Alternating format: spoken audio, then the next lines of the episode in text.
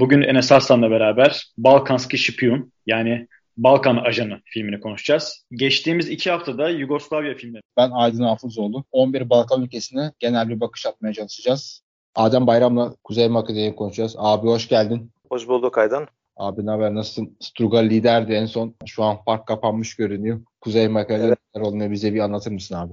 Evet memnuniyetle. Dediğin gibi Struga takımı 15. haftadan sonra liderliğini sürdürüyor. Fakat puan farkı birkaç hafta önce 10 puandı. Şimdi 5'e düştü. Birkaç maçı kaybetti ve beraber oynadı. Fakat son iki maçta toparlandı ve tekrar liderliğini devam ettiriyor.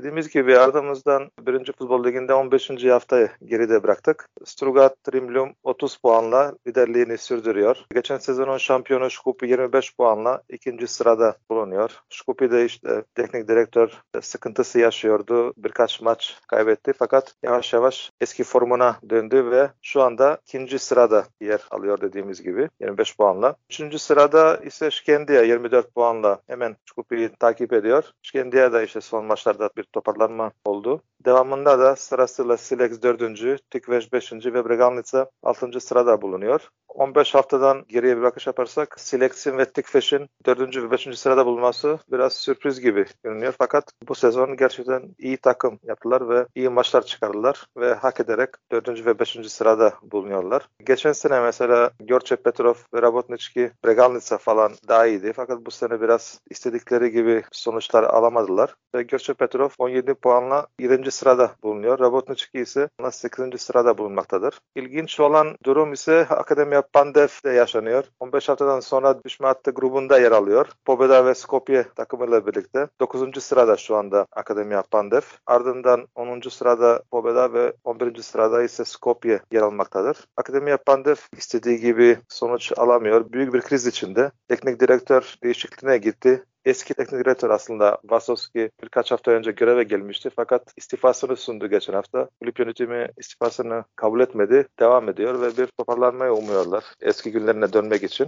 15. haftada Struga Şkendiya derbi maçı vardı. Struga 1-0'lık skorla bu maçı aldı ve puan farkını 5'e çıkararak liderliğini korudu. Gol krallığı yarışında durum şu şekilde. Struga'nın forveti, yıldız oyuncusu Besart İbrahim'i birinci sırada 8 golle alıyor. İkinci sırada Şkendiya'dan Lukço Doriyev 7 gol. Tikfish'in Kamerunlu santraforu Anel Barga Negoba 6 golle 3. sırada yer alıyor. 4. sırada Filip Obradovic 5 gol ve Rabotnički'den Anes Rušević 4 golle yer almaktadır. Biliyorsunuz bizim lig 33 hafta oynandığı için biraz erken araya gidilecektir. Kış uzun olduğu için yani Balkanlara zaten uzun bir ara veriliyor. Evet aynen 11 Aralık'ta oynanacak 18. haftadan sonra ligimizin ikinci yarısı 19 Şubat'ta başlayacaktır. Renault ligden çekildi. Bundan başka bir takım ligden düşecek mi? Sadece bir takım direkt ikinci lige düşecek ve 9. ve 10. sırada yer alacak olan takımlar ikinci ligden 3. ve 4. sırada olan takımlarla aralarında playoff yükselmek için baraj maçları oynayacaktır. İkinci ligin birinci takım ve ikinci takımı ise direkt birinci lige yükselecek.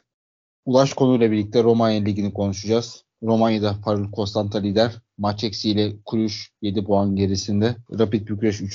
FCSB geride kalmış. Ulaş Romanya'daki çekişmeyi ve panoramayı nasıl görürsün?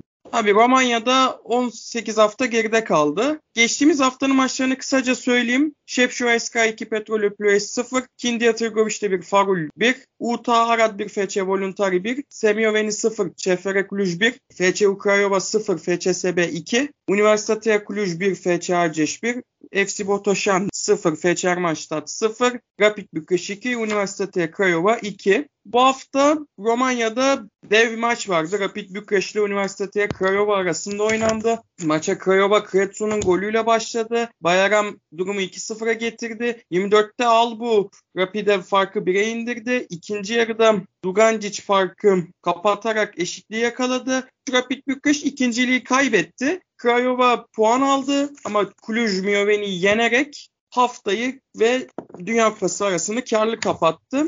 Puan durumunu aktarayım. Farul Konstansa lider 41 puanla. Çefere Cluj ikinci 34 puanı var. Rapid 3. 33 puanda. Üniversite Craiova 31 puanla 4. Feçer Maçtat'ta 5.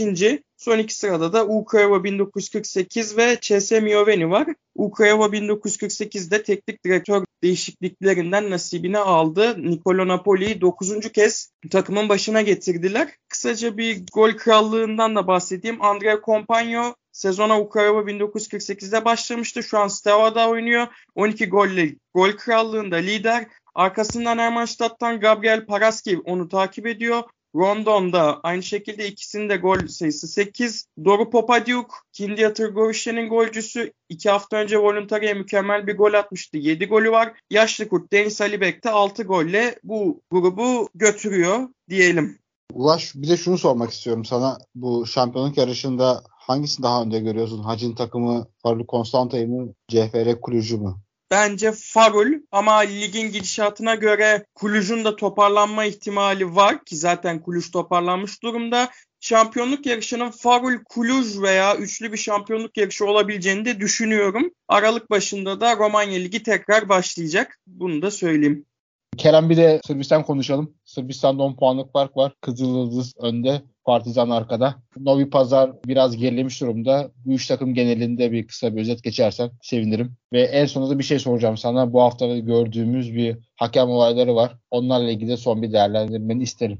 Öncelikle Novi Pazar an zaten belliydi. Yani biz burada şeyini yapıyorduk böyle. Öyle bir performans gösterip kadro kalitesine sahip olsa bile yapılmayacak yani Novi Pazar. Şimdi konuşmaya gerek yok. Son maçtaki rezalet pozisyon belli yani artık yani bu kadar da olmaz. Ben Novi Pazar'ın Avrupa yarışları vermesini bekliyorum. Konferans Ligi yine yapabilirler. Bu sezonu da öyle geçirecekler. Hatta Çukariçki birazcık geride kaldı. Son sezonların güçlü performansı birazcık geriledi. Beka Topola'nın gerisinde kaldılar. Beka Topola yönetimsel olarak işler yapıyor. 4000 kişilik butik çok modern bir stadyum yaptılar. Ülkedeki en modern stadyuma sahip. Geçen sene göz zevkini hitap eden top oynuyorlardı. Geçen senenin şampiyonu Kızıl Yıldız'ı bir maçını izlemiştim. Kızıl Yıldız çok zor top oynadı. Çok zor açabildi rakibini. Geriye düştü sonra 3-2'ye çevirdi. Bu sene Partizan'a karşı da böyle bir maçlar oldu. Vojvodina 2010'lu yıllardan birazcık orta sıralarda gidiyordu. Son sezonlarda yine de ilk 3 yarışını çıkarı içkinin gerisine kalsalardı. Bu sene onlar da güzel gidiyor. Onlar da iddialı bu konuda ama bizim asıl konuşmamız gereken konu tabii ki de belli. Belgrad takımları. Partizan haftalar sonra Spartak Sabotika'ya yenildi. Sezona biliyorsun iğrenç başlamışlardı. E, İlya Stajanovic yönetiminde. Gerçekten Partizan gibi bir hiç alışkın olmadığımız bir başlangıç. Ligde 3 hafta üst üste puan kaybı.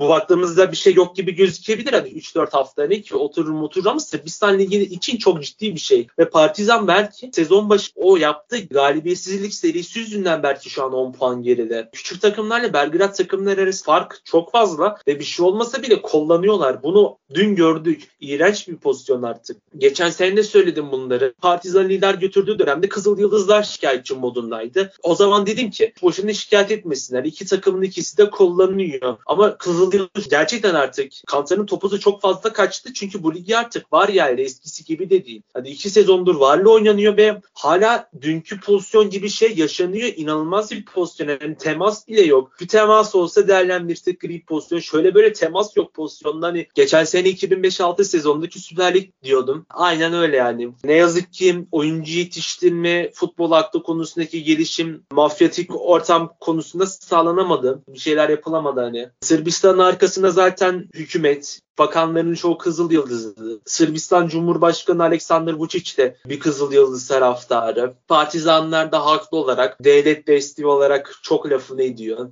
Gazprom gibi bir sponsor var zaten Kızıl Yıldız'ın arkasında. Özellikle Avrupa kupalarında çok şey kaydettiler bu yüzden. Gazprom'un işlerinden dolayı. Söylenecek bir şey yok gerçekten. Kızıl Yıldız bu sene de şampiyon. Hakem faktörü olmasa yine zaten Belgrad takımlarıyla küçük takımlar arasındaki ekonomik fark çok fazla. Yani üç büyüklerin daha fazlası Belgrad takımları için söz konusu. İki takımla oynanan bir lig. İskoç Ligi gibi lig ama bu hakem hataları gerçekten 10-20 yıllık falan yani bu hakem hatalarının karşılığı.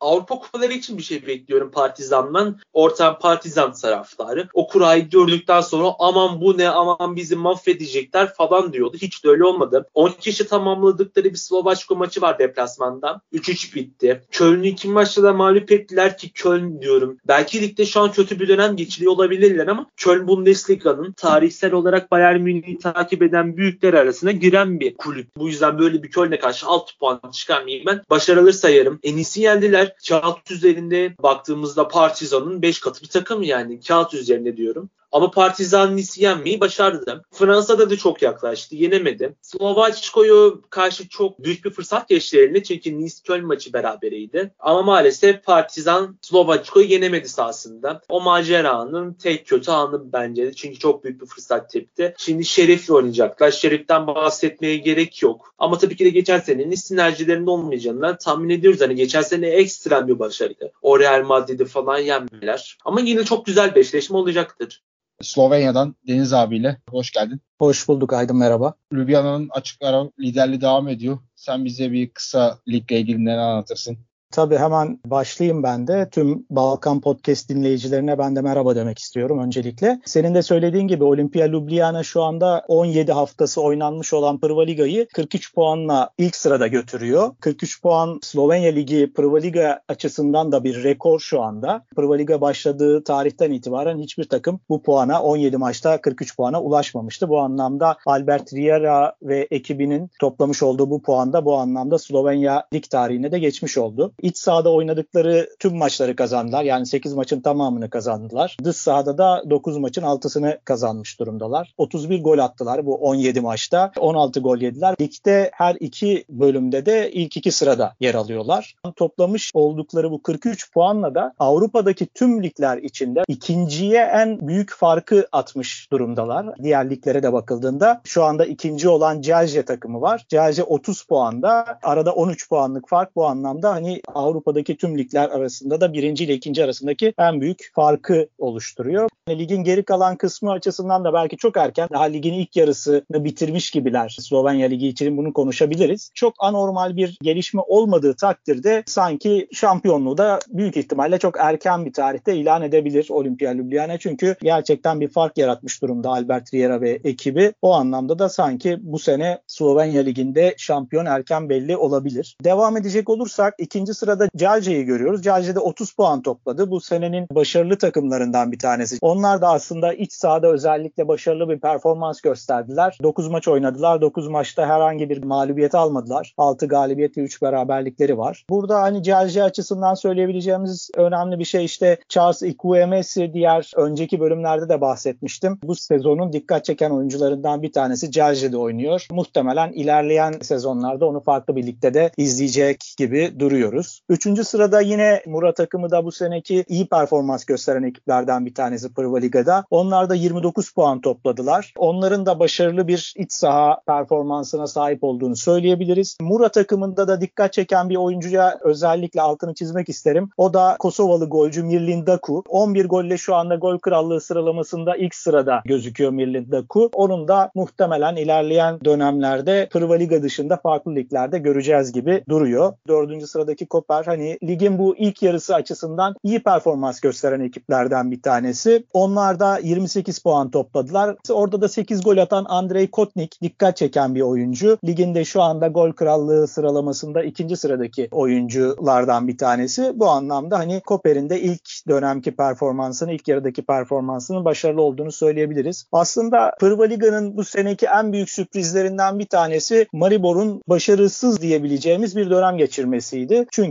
sezon başlarken Maribor gerçekten şampiyonluğun en büyük adayı olarak görülüyordu. Ama şu anki duruma bakıldığında 17 maç oynanmış olan ligde 24 puanla 5. sırada yer alıyorlar. Bir teknik direktör değişikliğine gittiler ki Slovenya Ligi'nde çok nadir gördüğümüz durumlardan bir tanesi. Şu ana kadar sadece Maribor'un bu anlamda bir teknik direktör değişikliği söz konusu. Yeni gelen teknik direktör Damir Kırznar'la da inişli çıkışlı bir grafik çiziyorlar. İyi gittiler sonra bir ara üst üste mağlubiyetler aldılar. Son iki maçlarda üst üste galibiyet aldılar. iyi galibiyetler aldılar. En son mesela geçtiğimiz hafta Tabor Sezenay'ı 4-0 gibi deplasmanda net bir skorla geçtiler. Onlar açısından ligin geri kalanında açıkçası belki ikincilik hedefi ve daha sonrasında da işte kupa hedefinden söz edebiliriz ama Maribor'un bu sene için şampiyonluğun oldukça uzak olduğundan çok rahatlıkla söyleyebiliriz. Maribor için söylenebilecek bir diğer ufak detay ünlü futbolcu Josip Ilicic 10 yıl sonra işte İtalya'daki başarılı futbol kariyerinden sonra tekrardan Slovenya Ligi'ne döndü ve Maribor forması giymeye başladı. Bu anlamda Josip Ilicic'in de ligin özellikle ikinci yarısında göstereceği performans Maribor açısından önem taşıyor. 6. sırada Domzale takımını görüyoruz. Domzale takımı da özellikle altyapısı, genç oyuncular oynatmasıyla bilinen bir kulüp. Daha çok genç oyuncuları dikkat çekti. Ivan Durdov isminden burada bahsedebiliriz. Başarılı oyunculardan bir tanesi. Domzale takımı da ikinci yarıda bu genç oyuncuların göstereceği performansa görerek üst sıralar için mücadele edecek. Ligin alt sıralarına gelecek olursak 3 tane takımdan bahsedebiliriz. Radomye, Gorica ve Tabor Sezana takımları ligin son 3 sırasını oluşturuyorlar. Çok büyük ihtimalle bu 3 takımdan bir tanesi alt lige gidecek gibi görünüyor. Bunların da tıpkı Olimpiya'nın şampiyonluğunun 3 aşağı 5 yukarı belli olması gibi ligden düşecek takımın da bu 3 takımdan bir tanesi olmasını bekliyorum açıkçası. Çok çok büyük bir sürpriz olmazsa bu 3 takımdan biri alt ligde mücadele edecek. Bunlardan Gorica hani her ne kadar Slovenya Ligi'nin başarılı takımlarından bir tanesi olsa da daha önce şampiyonluk yaşamış bir takım olsa da geçtiğimiz sene alt ligdeydi. Bu sene yeni yükselmişti ama bu sene de göstermiş olduğu performans çok başarılı değil. Radomye ve Tabor Sezene ile beraber ligin ikinci yarısında düşmeme mücadelesi verecek takımlardan bir tanesi. Genel olarak söyleyebileceklerim bunlar Aydın. Şimdi de Oğuz Oruç'la birlikte Yunanistan Ligi'ni konuşacağız. Yunanistan Ligi'nde Panathinaikos 8 puanla lider. Oğuz iki haftadır güzel derbiler vardı Olympiakos adına fakat iki maçta da berabere kaldı. Normal şartlarda Olympiakos beraberliği kabul ederdi fakat şu an ligde dördüncü olduğu için ve geride kaldığı için bu beraberlikler Panathinaikos'un çok fazla işine yaramış gibi görünüyor ve sen bu hem derbileri hem Yunanistan Ligi'ni nasıl değerlendirirsin? Kesinlikle çünkü Panathinaikos zaten sezon başından beridir hani o yenilmeyecek damgasının üzerine vurmuş gibiydi. Aitor'un sakatlığı sonrasında da e, bu durum sekteye uğramadan devam etti. Çünkü Aitor olmamasına rağmen Panathinaikos takımı hem ilk 11'deki Bernard gibi Palacios gibi oyuncularla hem de e, sonradan oyuna giren yedek futbolcularıyla maç kazanmasını bilen görüntüsüne devam etti. Arada bir tek beraberlikleri Olympiakos'a karşı geldi ve bu maçta da 90 artı onlarda attıkları o beraberlik golü yenilmemezlik serilerinin devamına sebep oldu. O maçtan sonra Olympiakos'un yabancı hakem seçimiyle alakalı ufak bir açıklaması oldu. Bu konunun üzerine gideceklerinden bahsettiler ama kamuoyunda çok büyük bir yankı getirmedi. Muhtemelen devam eden yabancı hakem olayıyla alakalı da bir sekteye uğratmayacaktır açıklama. Sadece çatlak bir ses olarak ortada kalmış olacak. Yunanistan'da 13 haftaya geride bıraktık Dünya Kupası arası öncesinde ve 13 haftada 37 puanla Panathinaikos'un liderliği devam ediyor. En yakın rakibi Ayek'le aralarında 8 puan. 3. sıradaki ve 4. sıradaki PAOK ve Olympiakos'ta ise 12 puanlık bir fark açmış durumda. E, Yunanistan'da 26 maç sonrasında oynanacak şampiyonluk playoff öncesinde puan farkını 10-12 puan bandında tutabilirse eğer Panathinaikos e, şampiyonluk grubunda ilk altının birbirleriyle oynayacakları maçlara da çok önemli bir avantaj götürmeye hak kazanacaklar. Onlar hakkında 13 haftada gerçekten her şey güllük gülistanlık. Sadece Aitor Cantala Piedra'nın sakatlığı haricinde çok iyi gidiyorlar. Hocaları bu sezon takımına çok özen gösteriyor saha içerisinde. Kimle oynarlarsa oynasınlar galip gelebilecek hissiyatını verebilmeleri çok önemli. Bunun da avantajını ele geçirdiler. Zaten çok az gol yiyorlar. En büyük avantajlarından biri de bu. Onların kalelerine gol atmak gerçekten neredeyse imkansız durumda. Bu sezon transfer edilen oyuncuların büyük bir çoğunluğundan da direkt olarak katkı alabilmeleri Panathinaikos'un bu sezonki en büyük avantajı oldu. Onun haricinde ikinci ayakta aslında geçen senelere göre gayet iyi bir şekilde performans göstermeyi başardı. Almeida Hoca ile beraber geliştirmiş oldukları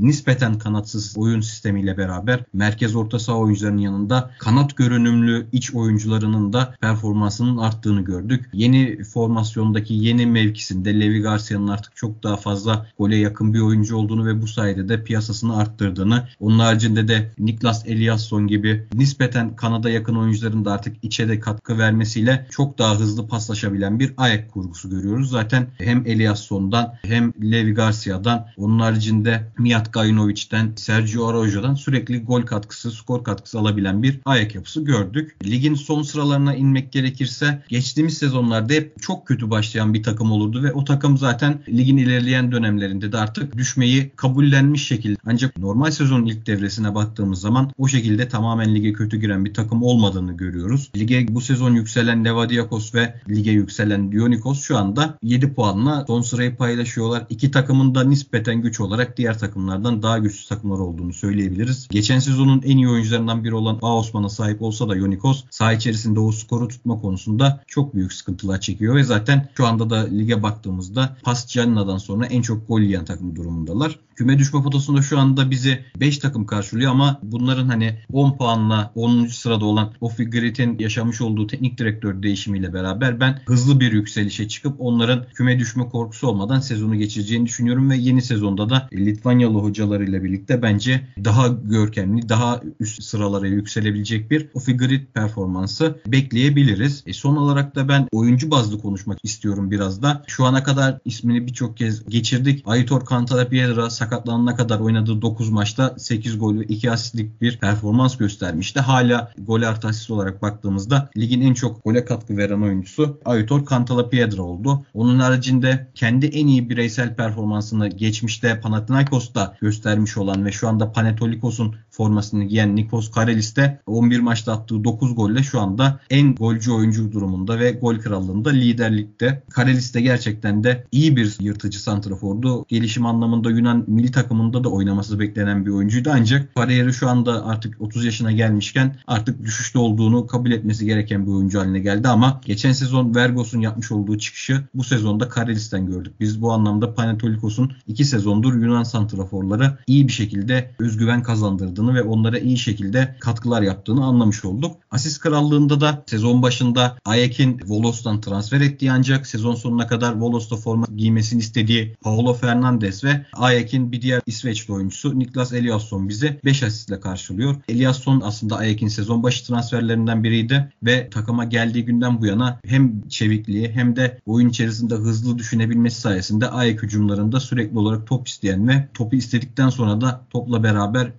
pozisyonlarda çabuk bir şekilde sizi gole ulaştırabilecek bir yapıda gösterdi kendisini. Bu anlamda ben Eliasson'u izlerken keyif aldığımı da belirtmek isterim. Sözlerimi bitirmeden bahsetmek istediğim son bir oyuncu da bence gerçekten özel bir performans gösteren Aris'in Honduraslı ikinci santraforu demeliyim aslında. Hem 10 numara gibi de oynuyor hem de forveti ikileyen oyuncu gibi oynuyor. Luis Palma e, bence bireysel olarak şu ana kadar ligde gelişim gösterme babında en çok gelişimi o gösterdi. Çok çok yetenekli bir oyuncu. İki ayağını da iyi kullanabiliyor. Hem ceza sahası dışında hem ceza sahası içerisinde topa nasıl vurabileceğini, topu hani yani bitiricilik konusunda da usta bir ayak olduğunu bence şu ana kadar kanıtladı. Bu anlamda kötü giden Aris'te yüzleri güldüren en iyi oyuncu olarak ben Luis Palma'yı söyleyebilirim ve Yunan liginden daha üst liglere transfer olma konusunda da servis edecekleri ilk oyuncu bence Luis Palma olacaktır. Ben onu hem Serie A'da hem Premier Lig'de bile görebileceğimize inanıyorum. Bu anlamda da sözlerimi Luis Palma ile noktalamak istiyorum. Kendisinin de 12 maçta 6 gol ve 2 asisti bulunuyor. Çok teşekkür ederim Oğuz değerli katkıların için. Bir dahaki podcast'te görüşmek üzere. Hoşçakalın. Bugün Enes Arslan'la beraber Balkanski Şipiyun yani Balkan Ajanı filmini konuşacağız. Geçtiğimiz iki haftada Yugoslavya filmlerini konuşmuştuk. Bir tanesi Yugoslavya'nın ideolojisini e, anlatan, destekleyen ve ideoloji övgüleriyle dolu bir filmdi. Walter Brani Sarajevo filmiydi. Daha sonra tam tersi bu sefer Yugoslavya'nın içinden Yugoslavya eleştirisi yapan bir filmden bahsetmiştik. Tito ve Ben filmini konuşmuştuk. O filmin yönetmeni Goran Markovic'ti ve her ne